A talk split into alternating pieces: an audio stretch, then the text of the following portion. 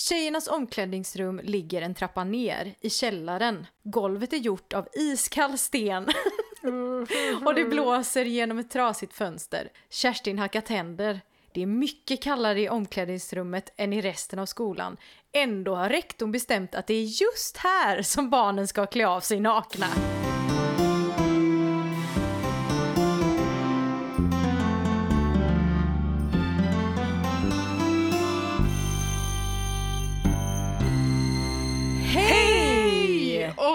Välkommen till Barnbokspodden. Det är jag som är Märta. Och det är jag som är Sanna. Och idag Sanna, Idag, Märta, ska vi prata om Kerstin.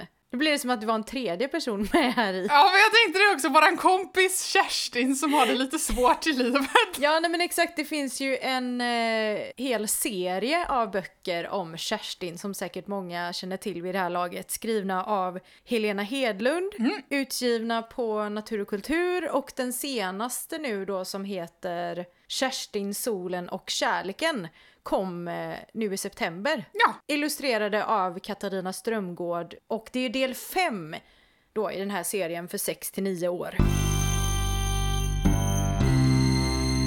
När serien börjar så är hon sju år, men i femte boken så har hon, hon hunnit bli åtta år och också fått en lilla syster som heter Miranda. och en eh, bästa kompis som heter Gunnar för att han var inte... Ja, precis. Han, de blev bästisar i första boken förstod jag. Ja, nej, men exakt. Han flyttar ju till då nybygget det- som är, är ett gammalt hus som ligger i närheten av Kerstin. Så att eh, då blir de kompisar. Och de har ju också det gemensamma håret tänkte jag säga. Nej, men de, eh, Kerstin har ju ett väldigt speciellt guldigt hår, rödguldigt hår. Och det har ju Gunnar också. Jag vet inte om det nämns i, i femte boken, men det jag bara, det är så de möts, men så är det ju inte. Men de gillar guld i alla fall i första boken. Ja, nej, men så det hon har Gunnar då, sin bästa kompis, och så har hon ju mamma och pappa då. Och sen, och Gunnar bor med sin mamma Malena och har också i förra boken, alltså fjärde boken, så har Malena blivit ihop med Skinn-Mats. eh, och Skinn-Mats har också en hund som heter Satan. Ja, det känns ju som att de bor i en, en mycket, mycket liten ort på landet liksom. Nej men och som med alla böcker med Kerstin så är det ju väldigt många så här, alltså Det är många berättelsetrådar, för vi kan ju också säga att Sanna har ju också ett lite så här kunskapsförsprång här, för att hon har ju läst alla fem böckerna. Jag har ju bara läst nummer fem och nummer två. så att jag bara, det är Sanna som kommer stå för all förklaring här, och vad som händer vad och sådär. Ja, jag hoppas det. Ja, men det är det som jag känner så här, jag kommer kanske också blanda ihop eh, böckerna, så då får ju du rätta mig Jag bara, det Nej, men här kommer inte jag ihåg. inte femte boken. nej men precis. Eh, nej men som med alla böcker då, som Märta säger, så är det många berättelsetrådar som löper parallellt, så det är så här, om man ska dra handlingen så är det ju ganska svårt att bara så här, ja men först händer det här och sen händer det här och sen blir det en konflikt och sen händer det här, utan vi tänkte nu, eh, för att vara lite transparenta med hur vi har tänkt, så tänkte vi att vi kör liksom de här delarna lite för sig liksom. För att det ska bli någon slags ordning i mitt huvud. Ja, det, och det, är väl, det undrar vi Sanna tycker jag. Det är ju väldigt vardagsnära liksom. Det är ju väldigt så vardagsnära problem och jag tänker att i, i vardagen så har man ju inte alltid så här, det stora problemet liksom med stort D liksom. Eh, eller stort P eller hur fan det nu blir. Men eh,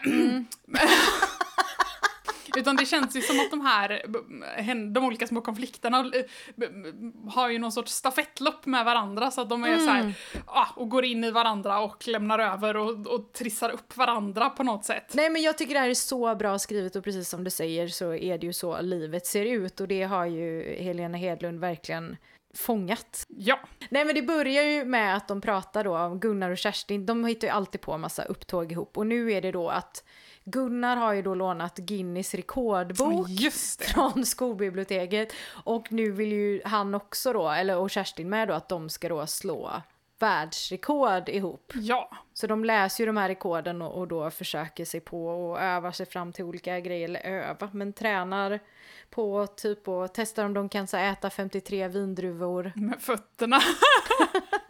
Det blir, de upptäcker ju att det blir lite svårt så då bestämmer ju sig Gunnar för att han ska eh, starta en egen rekordbok. Gunnars rekordbok. Ja, Det är så jävla bra! Det är väldigt bra. Men jag tänker också på att det här är en så väldigt, alltså det är en så väldigt genuin barndomsdel. Liksom, alltså jag tänker det här just att vara så fascinerad av rekord. Ja, eller hur? Det, det känns som att det, alltså det, att det är ett väldigt, väldigt centralt element i många barndomar, att man hittar så här Guinness rekordbok och blir helt, helt besatt. Liksom. Ja, det var, alltså och att det fortfarande håller i sig tänkte jag säga. Nu är det här påhittade barn, men jag bara, jag vill ändå minnas när jag har varit vikarie att det, den här Guinness rekordboken, den, den ligger som en liten sån coffee table-bok på i skolbiblioteket för det är liksom så här, det är den som alla barn vill liksom titta i. Ja, men alltså jag minns ju ändå, alltså jag tänkte säga när jag jobbade i bokhandeln, det var ju inte sådär värst många år sedan ändå, men då hade vi ju Mm. ändå när det närmade sig jul och sådär, då hade vi ju en ändå, och då jobbade jag i en liten bokhandel, men då hade vi Ja. ändå en såhär, du vet, uppställd extra, du vet såhär papphylla liksom, som skulle extra skylta att den nya Guinness rekordboken var här, så det var ju uppenbart liksom någonting som man i alla fall tänkte sig att det skulle appellera liksom. Gud vad kul! Men visste du också, apropå det, att det är samma Guinness alltså, som gör Ölen. eh, ölen? Ja. Ja, du visste det, för jag bara, jag har liksom aldrig, även fast det är så unikt namn, jag har liksom inte kopplat där att det är samma. Nej, precis. Eh, eh, Jag vet inte, för de, det var en någon så jätteknäpp eh, hi- historia om att de skulle, de började att samla på såna här rekord för att de skulle ha det för att lösa alltså såna här diskussioner som uppkom i barer liksom. Men så här, vi, vilken, du vet, fågel är den snabbaste liksom? Och så bara... men det är ju jättekul! Det här vill jag veta. Jaha, okej. Det står här då att han som var managing director av Guinness eh, bryggeri Ja, åkte på en shooting party. as one does. När var du på ditt sista shooting party, Sanna? Jag tänkte säga i helgen, men det, vi, vi kallade det för möhippa, tror jag. Sköt ni mycket på saker?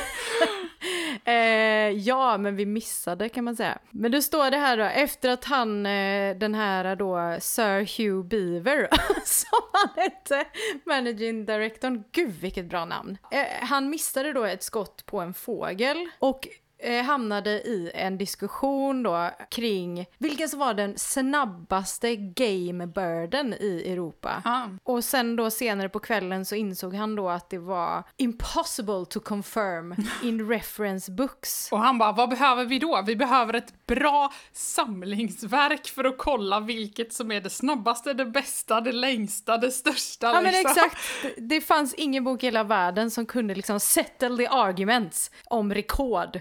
Ja, Vilken bra bakgrundshistoria, alltså, väldigt brittisk. Problemet då i alla fall med, med Gunnars rekordbok var, vad är det? det är ju dels att den heter Gunnars rekordbok så att, så att Kerstin blir lite, lite ledsen för att hon bara, men jag är ju också med och slår rekord. Men Gunnar tycker att men det blir ju lite för långt med Kerstin och Gunnars rekordbok. Jag håller med, även om jag tycker att det är, hon har rätt i sak. Men det löser sig sen när Skinn-Mats säger att ja, men Gunnars rekordbok är kanske lite för likt Guinness rekordbok. ja, han säger det kanske. Ja, så bara, men man, man måste utmärka sig tror jag han säger att det är så här, man måste stå ut i mängden och då går det inte att heta likadant. Ja, just det. För han har ju också erfarenhet då ju av, eller väldigt knapp erfarenhet, men han ska ju också skriva någon bok, den här Skinn-Mats. Ja, han håller på och skriver sin biografi och är skittaggad på att ge ut den själv och eh, sitter där på sitt lilla köksbord och knåpar eh, med sin biografi och tycker att eh, den här behöver folk läsa, så den ska jag ge ut själv. Mm. Eh, Och förutsatt att då inget förlag vill ha den tror jag, eller att han är ändå så här, om inget förlag ger ut det här mästerverket så ska jag baske mig ta och ge ut den själv. Eh, ja, och det, det pikar ju också eh, Gunnar och Kerstins intresse som tänker att hmm, vi kanske borde ge ut våran eh, rekordbok också. Ja, och den andra stora ångestklumpen i Kerstins liv, det är ju att det är så här, jag tror att det i bokens början så är det två kanske av tjejerna, tre typ, ett par stycken liksom. Ja. eh, i klassen som har köpt likadana, cirkelrunda, rosa handväskor.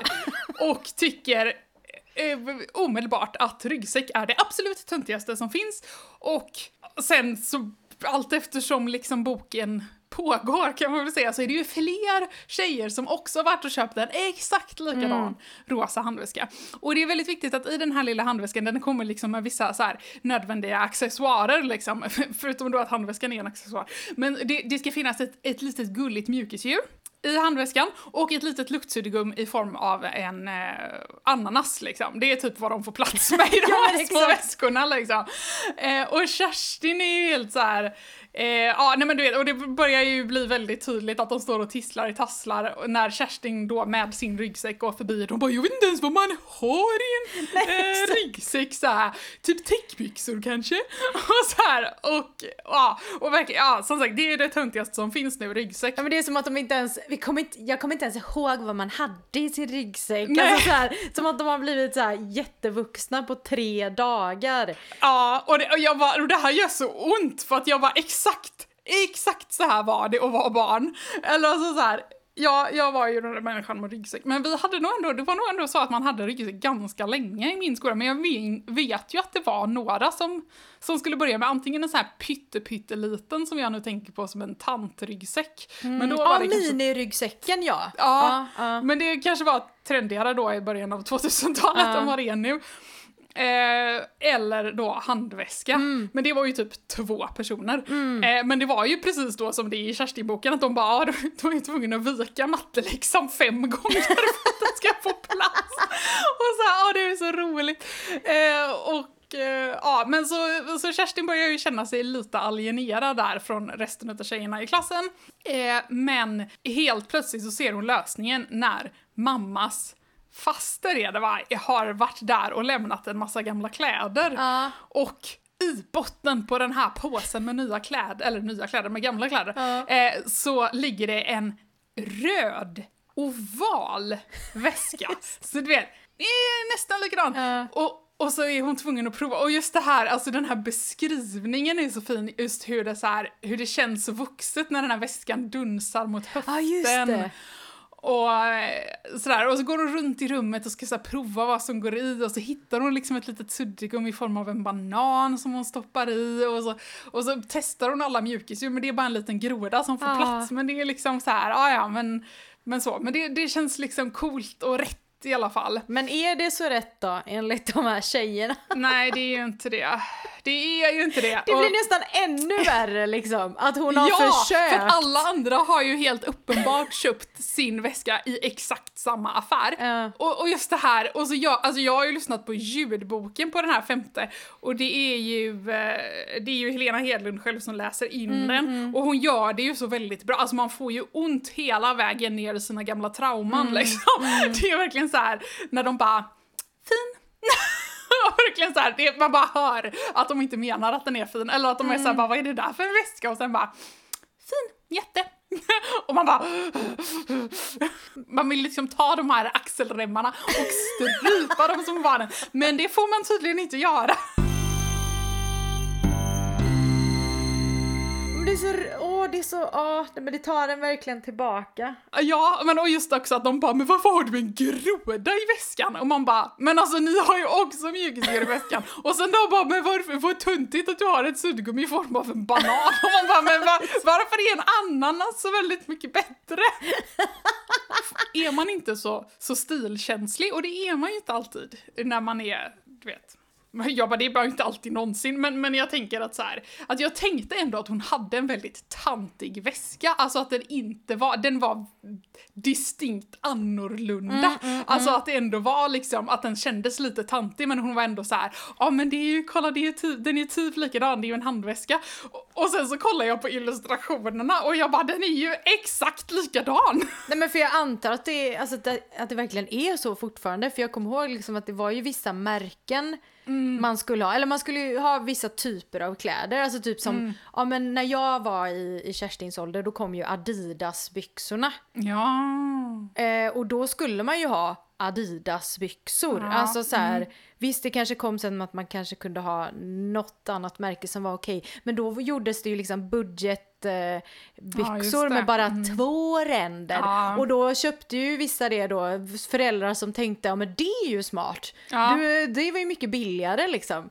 Men det, det såg man ju direkt, Ja. nej, då var det ju nästan bättre att behålla de barn, barntightsen. Ja men liksom så här, det var liksom, det var ju nästan, eller typ så här när vi började högstadiet och man skulle ha. Och det kom folk som hade liksom köpt, ja men kopior av Mm. Buffalo-skor. Och som var så här.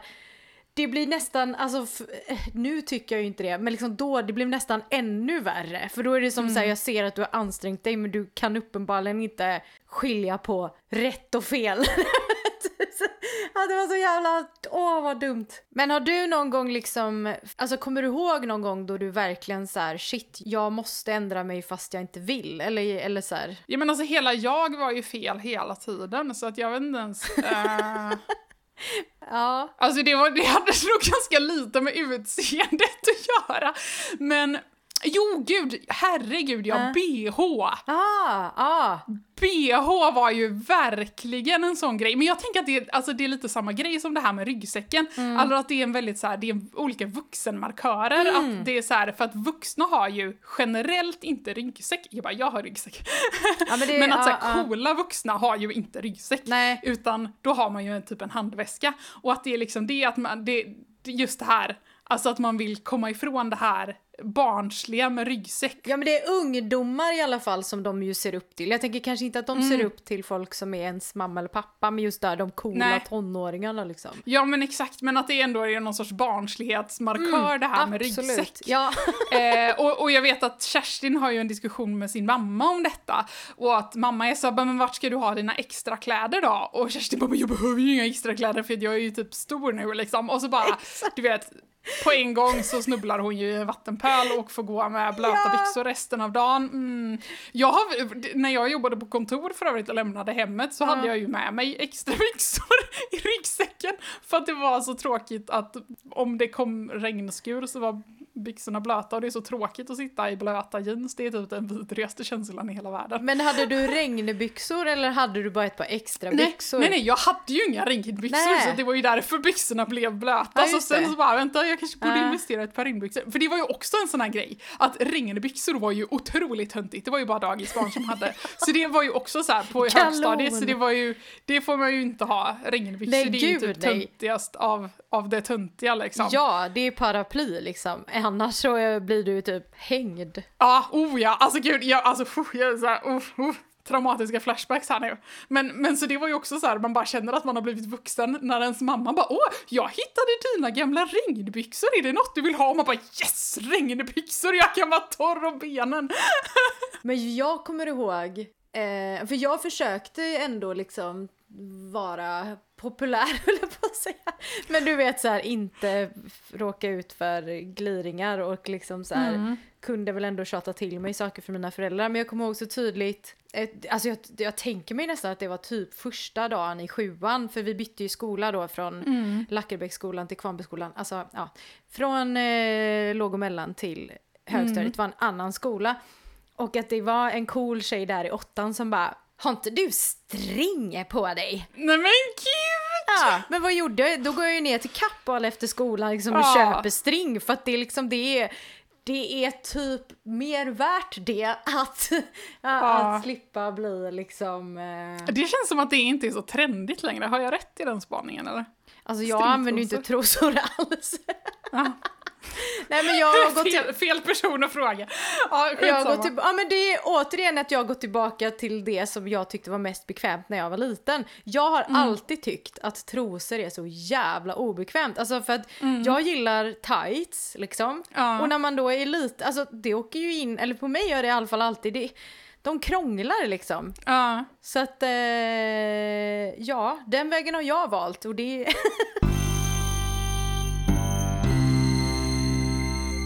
Tjejernas omklädningsrum ligger en trappa ner i källaren.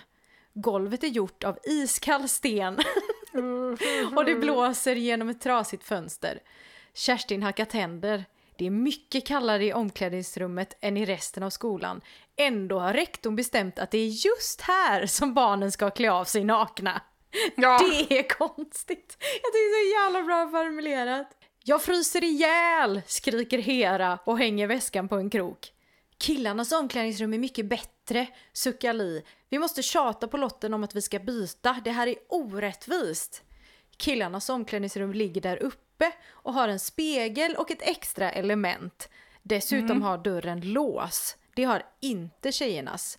Men det sitter en skylt på dörren som det står herrar på och den är svår att byta ut, säger Lotten. Lotten är ju då deras lärare. Ja, och sen så uppstår ju det här problemet också att de här killarna då börjar ju då spionera på tjejerna genom att gå till deras omklädningsrum och de har gett lås och sådär. Jag älskar att min första impuls är att sticka in bara, inte alla killarna, typ såhär, inte alla män. Nej, ja, ja. Det, det är två killar, Gunnar är oskyldig, det var typ det jag ville ha. Ja, ja, Det ja är så precis. viktigt, Gunnar är oskyldig.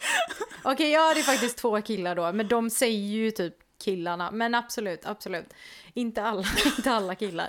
Eh, nej men så får ju då Kerstin reda på att ja, de här eh, rosa väsktjejerna står liksom och tisslar och tasslar i korridoren och bara tittar på Kerstin. Hon bara, vad är det nu då? Och då är det bara så här, ja nej men då har de räknat ut att när killarna kom in i deras omklädningsrum så var Kerstin den enda som inte hade hunnit ta på sig handduken och därför har de sett Kerstin naken. Och det är ju det värsta som man kan tänka sig tydligen. Så jä- och, och det är så hemskt också typ att de har liksom pratat ihop sig om att, Ja, ja, att de har kommit underfund med att de har sett Kerstin, eller att killarna har sett Kerstin naken. och att de har bestämt, eller det är nästan det jag tycker är det värsta, att de, dels har ju de bestämt att nej men så här var det, Ja. och att det var viktigt, och att det här var det liksom, det här behöver Kerstin tycka är skitjobbigt.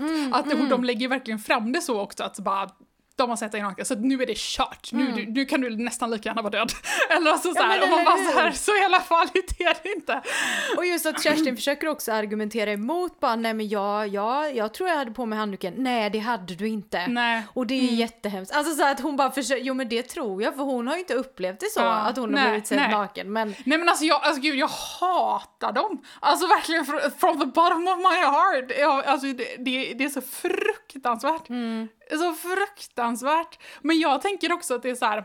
Alltså den här typen av litteratur, jag tänker på så här Kerstin-böckerna och Eh, och typ Humlan Hanssons hemligheter och vi var väl inne på att Paula Persson Peroni också har liksom sådana element men just att de, de verkligen tar upp och, och vidrör det här, det jobbiga med att vara barn liksom och att de verkligen på något sätt, jag förstår inte att de har sånt sånt sjukt minne författarna för att jag var, som sagt jag minns det ju när jag läser det att bara just det shit så här var det liksom. Men att jag känner så här, alltså det känns så terapeutiskt på något sätt att, att läsa det här och näm- närma sig sina egna barndomsminnen samtidigt som det är ju inte mina barndomsminnen. Och sen då att man på något sätt arbetar igenom dem och att saker löser sig på slutet och så här att det känns det känns så terapeutiskt på något sätt. Att, verkligen. så jag var så himla så här efter jag hade läst eh, andra boken tror jag, eh, så var jag helt så här jättetaggad. Så jag bara, alltså är det, någon, jag bara, är det någon här som lyssnar som är psykolog och vill göra ett gemensamt forskningsprojekt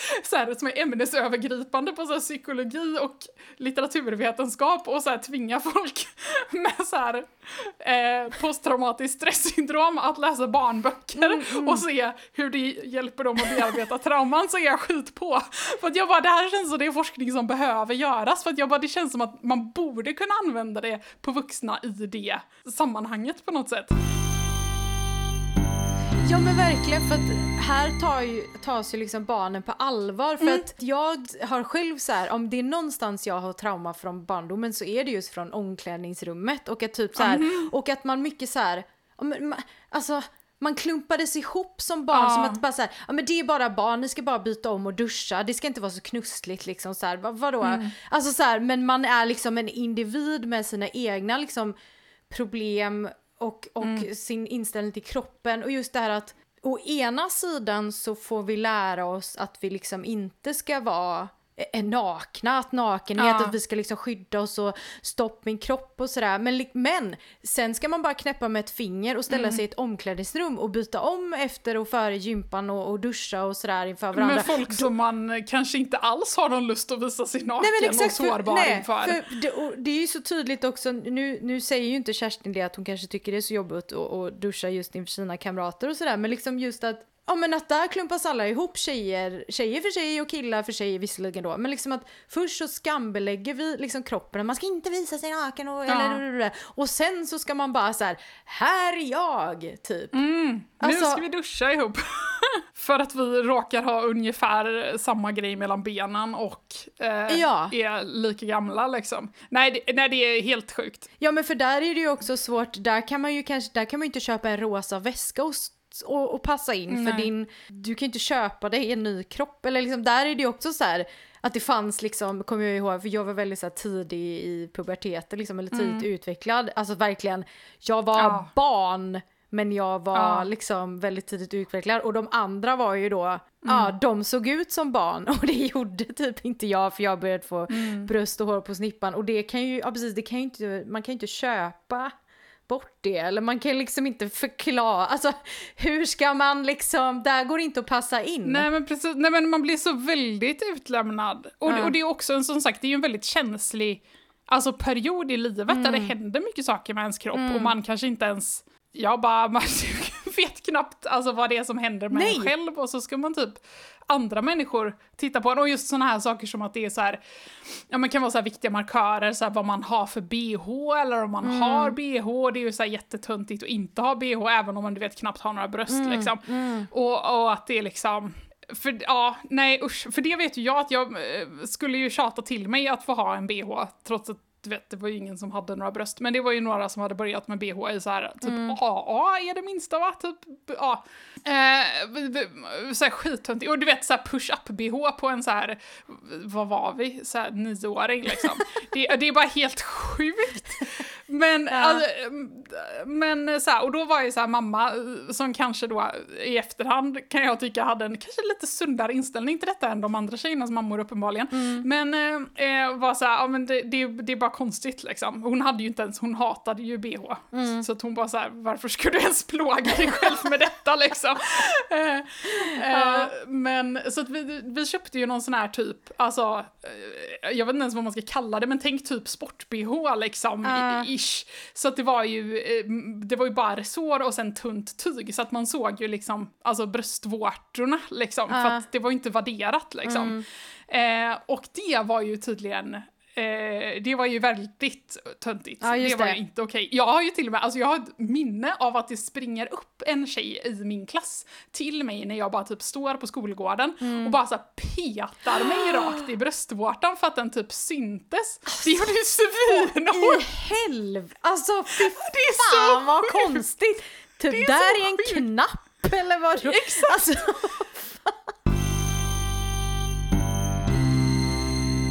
Ja, det var ju positivt och härligt. Eh, sista tråden är vi på nu va? det är ju då om Kerstins lilla syster då som har väl givit eh, namn till eh, bokens titel för det är ju hon som är solen och hon kallas ju för solen. Kerstin, solen och kärleken. Och det är ju kärleken till solen också. Ja, eller? ja men precis. Alltså Kerstin tycker ju om Miranda då som hon heter egentligen Mm. så mycket att hon typ skulle kunna äta upp henne. Liksom så här. Det är så, och det är så jävla fint liksom. Hon bara tycker att det är en så här jättemärklig känsla men det, det är så liksom. Exakt! Ja. För att jag tänker, alltså för jag, det var så mycket, alltså jag satt ju och som sagt jag och min sambo lyssnade på ljudboken ihop och det var ju verkligen varje gång som eh, Kerstin drog igång sin så här, åh mitt lilla så här älskpälsk och du vet jag älskar dig så mycket så jag skulle kunna äta upp dig. Så så här tittar min sambo lite på mig för att det är precis så jag pratar med våran katt. Ja, ja, ja, älskling, älskling och allt sånt där. Ja, nej men det är väldigt fint beskrivet och just det här att Kerstin kanske då i, i alla fall i, i, ja, men i boken innan den fjärde boken då var det liksom lite så här, jaha, ska jag liksom få en lilla syster? Det blir väl kul liksom, men nu är det så himla självklart att hon finns där, det är liksom någonting som har ja, hon har fyllt ett tomrum typ som hon inte ens visste fanns. Mm. Men så är det ju då också att en dag då när, så, när Kerstin, som hon typ alltid gör, liksom så här gosigosar med, med lilla Miranda Mm. så, så pussar hon liksom eh, Miranda då överallt för att hon Med är såhär så... smackpussar Ja, verkligen precis. Mwah. mwah. Och då plötsligt så börjar ju Miranda att gråta och skrika liksom. Och Kerstin blir så här jätterädd och bara... Och mamma kommer ju då, för hon är väldigt så här... Vilket man är ju, alltså Kerstin får ju lov att bära Miranda och så här, och, och hon är ju så himla fin med Miranda. Men mamman blir ändå så här väldigt så snabbt, gud vad är det som händer? Eh, Du pussade väl henne inte på örat? Och Kerstin bara, liksom, det gjorde hon, hon vet ju Ja. det. Så här. För mamma säger så här, det smackar jättehögt, om man gör det så kan det liksom skada eh, Mirandas hörsel. Ja. Och Kerstin säger ju direkt då, som hon alltid gör, det här är ju ett karaktärsdrag då för Kerstin, att direkt säga jag har inte gjort det. Ja, men, men det tänker jag också inte så här bara Kerstin. Nej, nej, nej. Visst känns det som den, den första spontana, rimliga, varje gång man blir anklagad för någonting bara det var inte jag. Nej det var inte jag, det var inte jag, det var inte jag, det var inte jag. Eh, nej absolut inte, så kan man, ta det an- kan man ta det sen om man eventuellt vill erkänna, men det är viktigt att man direkt så här. Eh, och det gör hon ju då. Och, eh, och sen så visar det ju sig då att det faktiskt är någonting fel på eh, Mirandas hörsel. Och liksom, men, men Kerstin, jag vet inte om hon inte vill förstå eller verkar inte förstå att det här är någonting som liksom har skett från födsel eller kommer från liksom första undersökningen på, på BB. Men liksom, ja, Kerstin hör inte med det örat utan hon är ju livrädd att det är ju, det är ju hon som orsakat det här. Ja. Och nu är hon döv och döv låter som död och nu är allting jättepiss liksom. Ja, för att nu är ju, nu, nu är ju Miranda nästan död och det är Kerstins fel.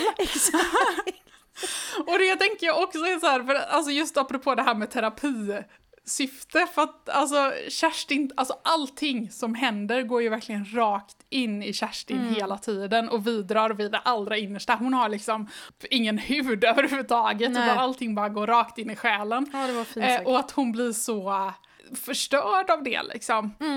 Eh, som just det här att hon bara, åh nej, nu är det, nu är det mitt fel att eh, lilla syster är, är döv och, och det kan jag aldrig berätta för mamma och pappa. Och eh, du vet, Miranda kommer hata mig hela livet. Och, eh, och jag vet inte vad jag ska göra. Och nu går jag runt. Och just att den här hemligheten blir så tung liksom.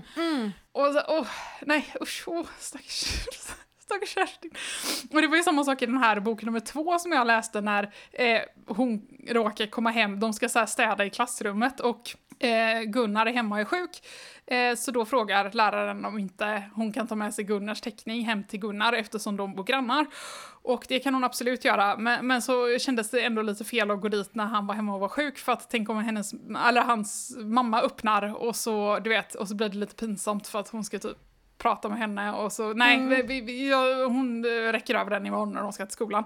Bara det att nu hittar ju mamma och pappa den här teckningen och tänker att det är Kerstin och börjar ösa beröm över den här teckningen. Och du vet, och hon hinner liksom inte ens reagera innan de springer och hämtar en ram och ska sätta upp den ovanför soffan. Och, och, så här, och Kerstin som har gått runt och varit orolig att mamma och pappa ska skiljas för att mamma åkte på semester utan pappa och Kerstin i en vecka och sen har de bråkat lite så här, och Kerstin går ju runt och bär på det här och, och så här, nu är mamma och pappa lyckliga och håller på att pussa på varandra för att de trodde att jag hade målat den här bilden av oss som en familj typ. Och, och jag var så här, oh, oh, oh. Nej men det är så jävla bra skrivet och just att det, det, ja, men det här förekommer ju då i varje bok en sån där jobbig, onödig lugn. Lögn kanske man säger på rikssvenska.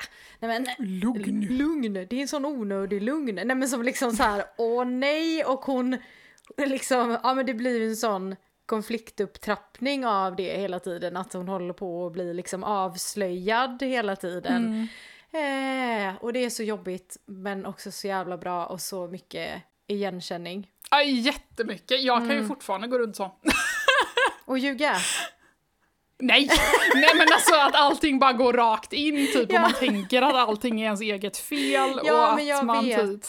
Ja, nej usch. Usch och fy och blä. den är ju otroligt, otroligt välskriven och Mm. man känner ju alla Kerstins känslor hela vägen rakt in i Mm. magen. Eh, men jag tänker också på så här, vissa saker som är så här fantastiskt smart. Alltså jag tänker på det här med att eh, namnge kapitlerna är ju ofta väldigt smart gjort för att Ah. man blir ju lite så här. Ja! En distinkt fara med att namnge kapitlerna är ju att det kan spoila det som händer. Men det är ju, det var ju så här, det är någon gång här när de pratar om den här rekordboken, nu ska vi se här. De pratar med då Skinnmats om det här med att ge ut sina egna böcker och eh, de frågar hur mycket kostar det typ och han bara jättemånga tusen kronor liksom. Och de bara eh, vi har inte jättemånga tusen kronor. Skinnmats reser sig och fyller på sin kaffekopp. Sen berättar han att det visst är ganska dyrt att ge ut sin bok själv. Det kan kosta många tusen. I värsta fall får jag väl säga, sälja hojen, säger han och suckar. Eller Satan, säger Kerstin. Hon klappar Satan lite med foten. Det vore synd att byta honom mot en bok. Men hur ska vi ha råd att ge ut vår rekordbok då? frågar Gunnar förtvivlat. Skinnmats rycker på axlarna och blåser på kaffet. Ni kanske kan kopiera upp den, säger han. Se om ni kan låna skolans kopiator. Och redan där så får man ju en liten så här känsla av att det här, det här kommer inte gå jättebra. Och sen så heter nästa kapitel En nolla till. Ah, ah. Och det här är ju precis så mycket ledtråd för att man som läsare ska bara åh nej! Ah, att man ah. ser framför sig precis hur många tusen exemplar av den här boken de kommer trycka ut på skolans kopiator. Samtidigt kan man inte vara riktigt, riktigt säker på att det är det som en nolla till betyder. Men man har en misstanke när det först är så här skolans kopiator och sen bara Ja. en nolla till och man bara åh nej. Fan, du måste läsa det när de är vid kopiatorn och det, det här misstaget sker. När skolan är slut för dagen dröjer sig Kerstin och Gunnar kvar i korridoren. De får vänta länge tills alla har gått ut. Sen tar Gunnar fram rekordboken ur väskan. Har du frågat Lotten om kopieringsmaskinen? frågar Kerstin tyst. Gunnar skakar på huvudet. Hon skulle ändå bara säga nej, viskar han. Men jag vet vart kopieringsrummet ligger. Kom. Kerstin och Gunnar tassar iväg. Det smyger längs väggen i korridoren. När rastvakten går förbi står de alldeles stilla och låtsas titta på något på Kerstins jacka. Sen smyger de vidare. Kopieringsrummet ligger utanför lärarrummet. Det är en grå liten skrubb fylld med papper och hyllor och bänkar och stora kartonger. Gunnar kikar in. Det är ingen här, viskar han. Och ingen i lärarrummet heller. Snabbt slinker det in genom dörren och Gunnar stänger försiktigt. Okej, säger han bestämt. Nu ska här kopieras. Han går fram till kopiatorn och börjar pilla och leta och lyfta på lock och luckor. Jag tror att du vet hur man gör, säger han. Gunnar lägger framsidan av rekordboken mot glaset och stänger locket. Hur många böcker behöver vi? viskar Kerstin. Ganska många, säger Gunnar. Det ska ju räcka till... Ganska många, säger Gunnar. Det ska ju räcka till alla skolbibliotek i världen och sen till affärerna också. Hur många skolor finns det, tror du? Kerstin rycker på axlarna. Säkert flera tusen. Gunnar trycker på en knapp där det står antal kopior. Först skriver han tio, sen hundra, sen tusen. Han pausar en sekund och funderar lite. Sen trycker han på en nolla till innan han trycker på start.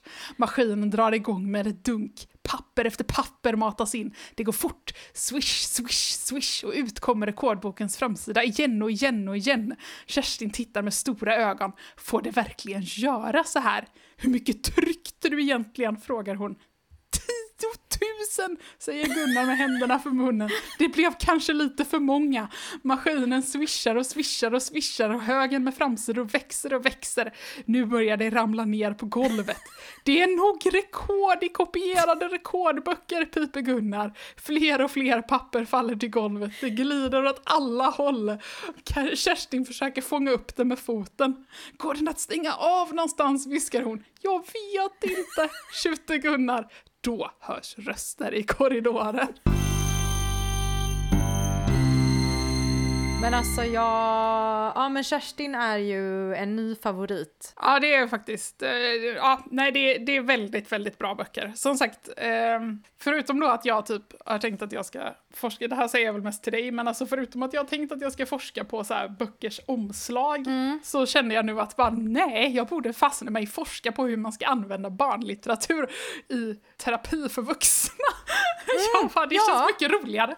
Ja men faktiskt, det hör ju väldigt mycket ihop med allt som är du. Ja, Men eh, den här boken har ju också illustrationer ju, även fast det inte är Ja. en bilderbok. Och de är ju då gjorda av Katarina Strömgård som vi har sagt. Vad säger vi om illustrationerna? helt fantastiska. Eh, Ja. Punkt. Ja men alltså jag blir så, åh, alltså typ framsidan, nu har jag Ja. bara femte boken här. Alltså jag är så, alltså det är så, mm, nej men, nej men alltså det är så fint. Det är så jätte, jätte, jätte, jättefint. Ja, det är ju någon sorts, alltså det är ju svartvita tuschillustrationer i inlagan. Eh, och, men de är, ju, de är ju så fina och karaktärerna är, är så underbara. Eh, och det, ja, men det är väldigt eh, ja, det är väldigt uttrycksfulla bilder och det, jag tänker på så på sidan 27 när Kerstin, de ska prova på olika aktiviteter liksom. Försöker mamma och pappa få en att göra. Och då ska de gå på dans och eh, då är hon tvungen att tofsa upp håret. Och det vill inte Kerstin för att Nej. Kerstin tycker inte om tofs. Och så har pappa tvingat på henne en tofs och så står hon där och ser ut som att hon vill mörda någon, som att hon är på väg att börja gråta och så dessutom så har hon en väldigt, väldigt, alltså det, tofsen ser ju ut som att den inte vill riktigt heller. Det är så här hår åt alla håll och allt hår är liksom inte fångat i tofsen och det är så här, ja det är väldigt bra. Och sen så den här när hon är eh, arg då av, av samma anledning, just det här att hon inte vill hålla på med några aktiviteter och mamma och pappa, men det är jättenyttigt att hålla på med en aktivitet. Och hon ställer liksom, hon dänger huvudet i väggen och håller för öronen och bara “jag hatar aktiviteter”. Och det är också så här hur hon liksom lutar sig mot kanten på boken och skriker och jag bara, jag, jag känner Kerstins ångest. Du köpa någon av Kerstin-böckerna så får du gärna använda vår affiliate-länk som du hittar i poddbeskrivningen. För då får nämligen vi en liten peng, alltså Barnbokspodden då, utan att det kostar dig någonting extra. Ja, och läser du någon av Kerstin-böckerna eller redan har gjort det så, eh, så glöm inte att tagga oss på Instagram eller Facebook så att vi får höra vad du tyckte. Och vill du komma i kontakt med oss så kan du då skriva till oss på våra sociala medier eller mejla till kontakt barnbokspodden.se och vi har också en hemsida, barnbokspodden.se. Vi syns om två veckor och tills dess ta hand om ditt inre barn och kom ihåg att coola vuxna läser barnböcker. Hejdå!